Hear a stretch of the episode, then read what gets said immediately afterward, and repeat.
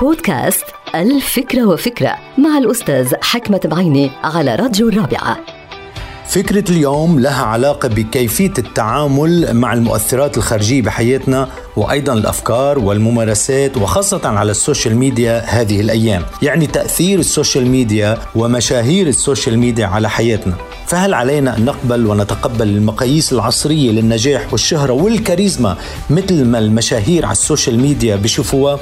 هل نقبل كل شيء عصري وكأننا أطفال؟ لا رأي لنا بالحاضر ولا قناعات لنا من الماضي؟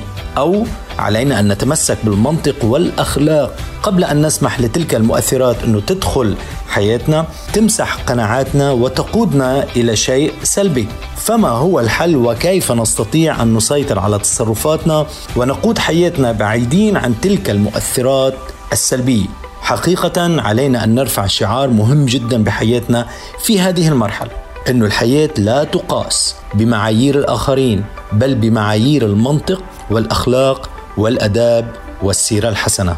انتهت الفكرة. هذه الحلقة مقتبسة من كتاب الفكرة وفكرة.